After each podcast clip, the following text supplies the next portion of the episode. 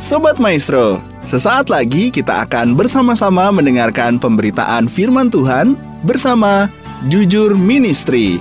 Selamat mendengarkan.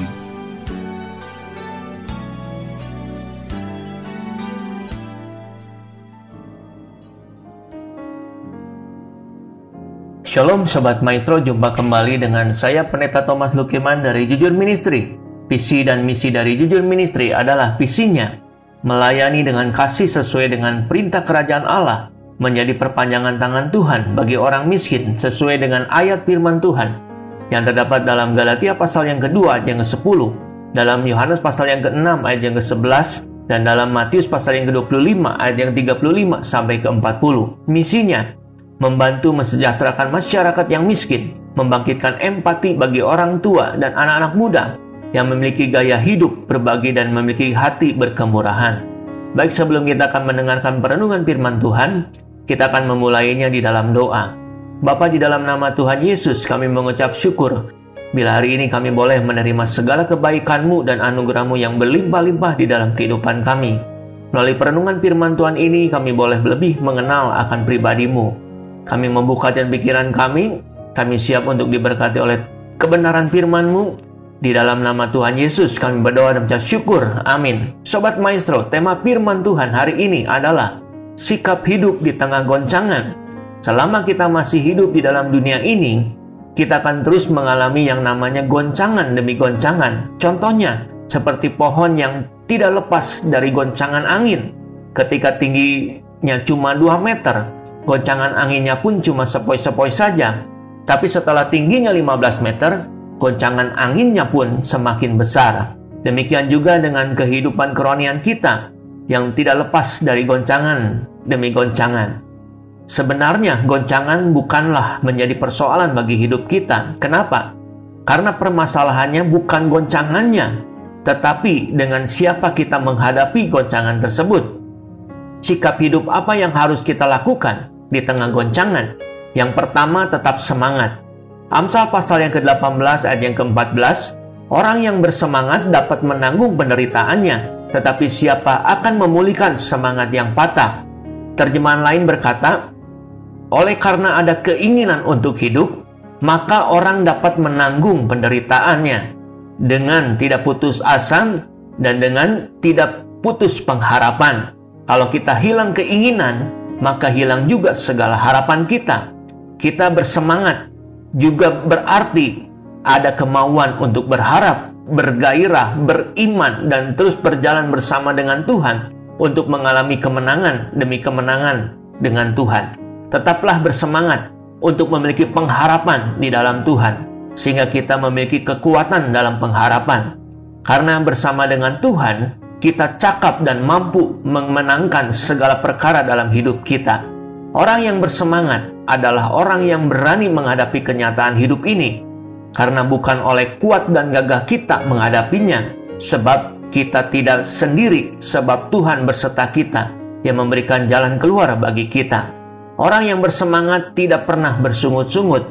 Sikap hidup kita bisa saja bersungut-sungut disebabkan karena iman percaya kita kepada Tuhan mulai goyah, di mana yang kita pandang adalah persoalan yang kita hadapi dan bukan memandang kepada Tuhan. Sebab orang yang hanya memandang persoalan hidupnya berarti ia tidak akan mampu melihat kuasa Tuhan yang bekerja. Karena pada akhirnya persoalan itu menjadi lebih besar dan menutupi hati dan pikirannya. Sehingga tidak bisa berpikir dengan jernih dan menaruh semua pengharapannya dalam tangan Tuhan bersungut-sungut mampu merampas sukacita yang berasal dari Tuhan. Itu adalah sebuah sifat yang sama sekali tidak produktif dan hanya akan menambah masalah bagi diri kita sendiri. Hati yang tidak terkendali dipenuhi oleh sungut-sungut atau keluh kesah akan merusak masa depan kita. Ingatlah bahwa menjadi orang percaya bukan berarti aman dan nyaman setiap saat. Masalah pasti ada dan selalu datang tanpa kita duga. Namun yang membedakan adalah kehadiran Tuhan bersama kita akan selalu membawa pengharapan. Sebagai orang percaya, kita dituntut untuk terus meningkatkan iman kita agar jangan mudah mengeluh atau bersungut-sungut.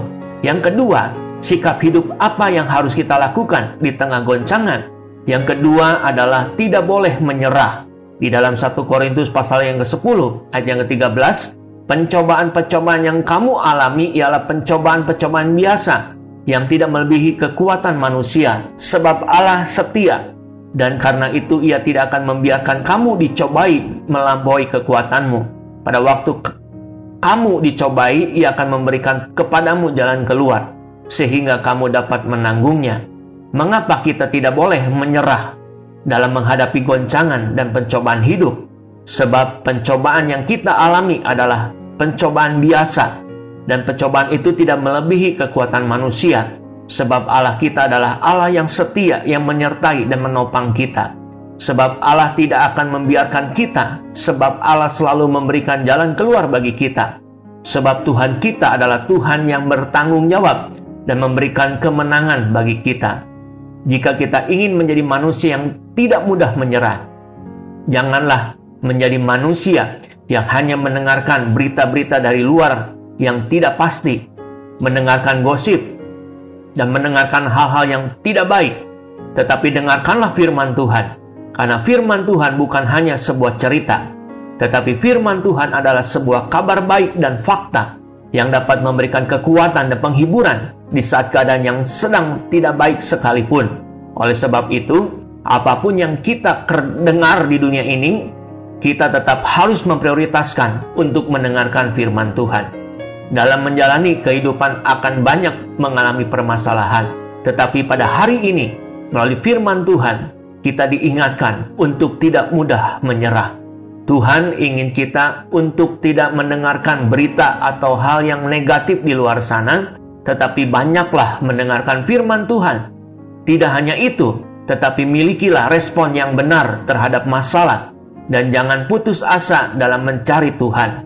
Jangan selalu mudah untuk menyerah dan putus asa bila hidup kita berjalan tidak sesuai dengan harapan kita.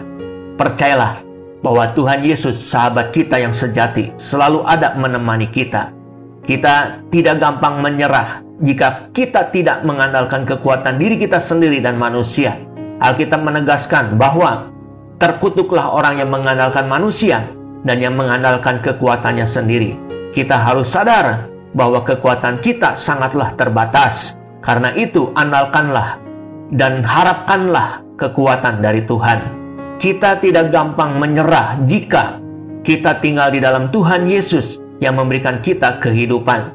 Kita harus terhubung dengan sumber kekuatan kita, yaitu Tuhan Yesus Kristus, karena di luar Tuhan kita tidak dapat berbuat apa-apa. Oleh karena itu, kita harus membangun mesbah doa, membaca Alkitab, persekutuan ibadah sebagai cara untuk terkoneksi dengan Tuhan Yesus. Kita tidak gampang menyerah jika kita tetap mengandalkan Tuhan, kita harus mengandalkan Tuhan Yesus sebagai Allah yang hidup di dalam kehidupan kita, sebab di dalam Dia kita cakap menanggung segala sesuatu. Kita harus mengandalkan Tuhan karena kita selalu ada jalan keluar di dalam Tuhan untuk setiap pergumulan kehidupan kita. Kita harus mengandalkan Tuhan karena Dia tetap menuntun kita kepada jalan yang benar, sehingga akhirnya ada kemenangan dan keberhasilan yang kita capai. Sobat Maestro, demikianlah perenungan firman Tuhan pada hari ini. Dan saya akan akhiri perenungan firman Tuhan hari ini di dalam doa. Bapak terima kasih bila hari ini kami boleh mendengarkan kebenaran firman Tuhan yang menuntut hidup kami saat menghadapi dan menjalani realita kehidupan ini. Bagaimana sikap hidup kami yang harus kami lakukan di tengah goncangan kami mau tetap semangat menghadapi masalah apa pun dalam hidup kami dengan tidak bersungut-sungut, tetapi banyak-banyak mengucap syukur dalam segala hal. Dan kami juga tidak akan menyerah dengan masalah dan persoalan hidup kami. Materaikan firman-Mu ini di dalam hati kami, agar kami dapat melakukannya dan menjadi pelaku-pelaku firman Tuhan yang hidup.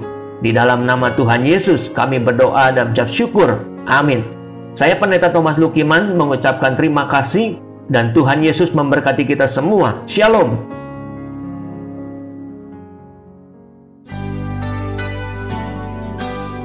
Sobat Maestro, kita baru saja mendengarkan pemberitaan firman Tuhan bersama Jujur Ministry. Terima kasih atas kebersamaan Anda. Tuhan Yesus memberkati.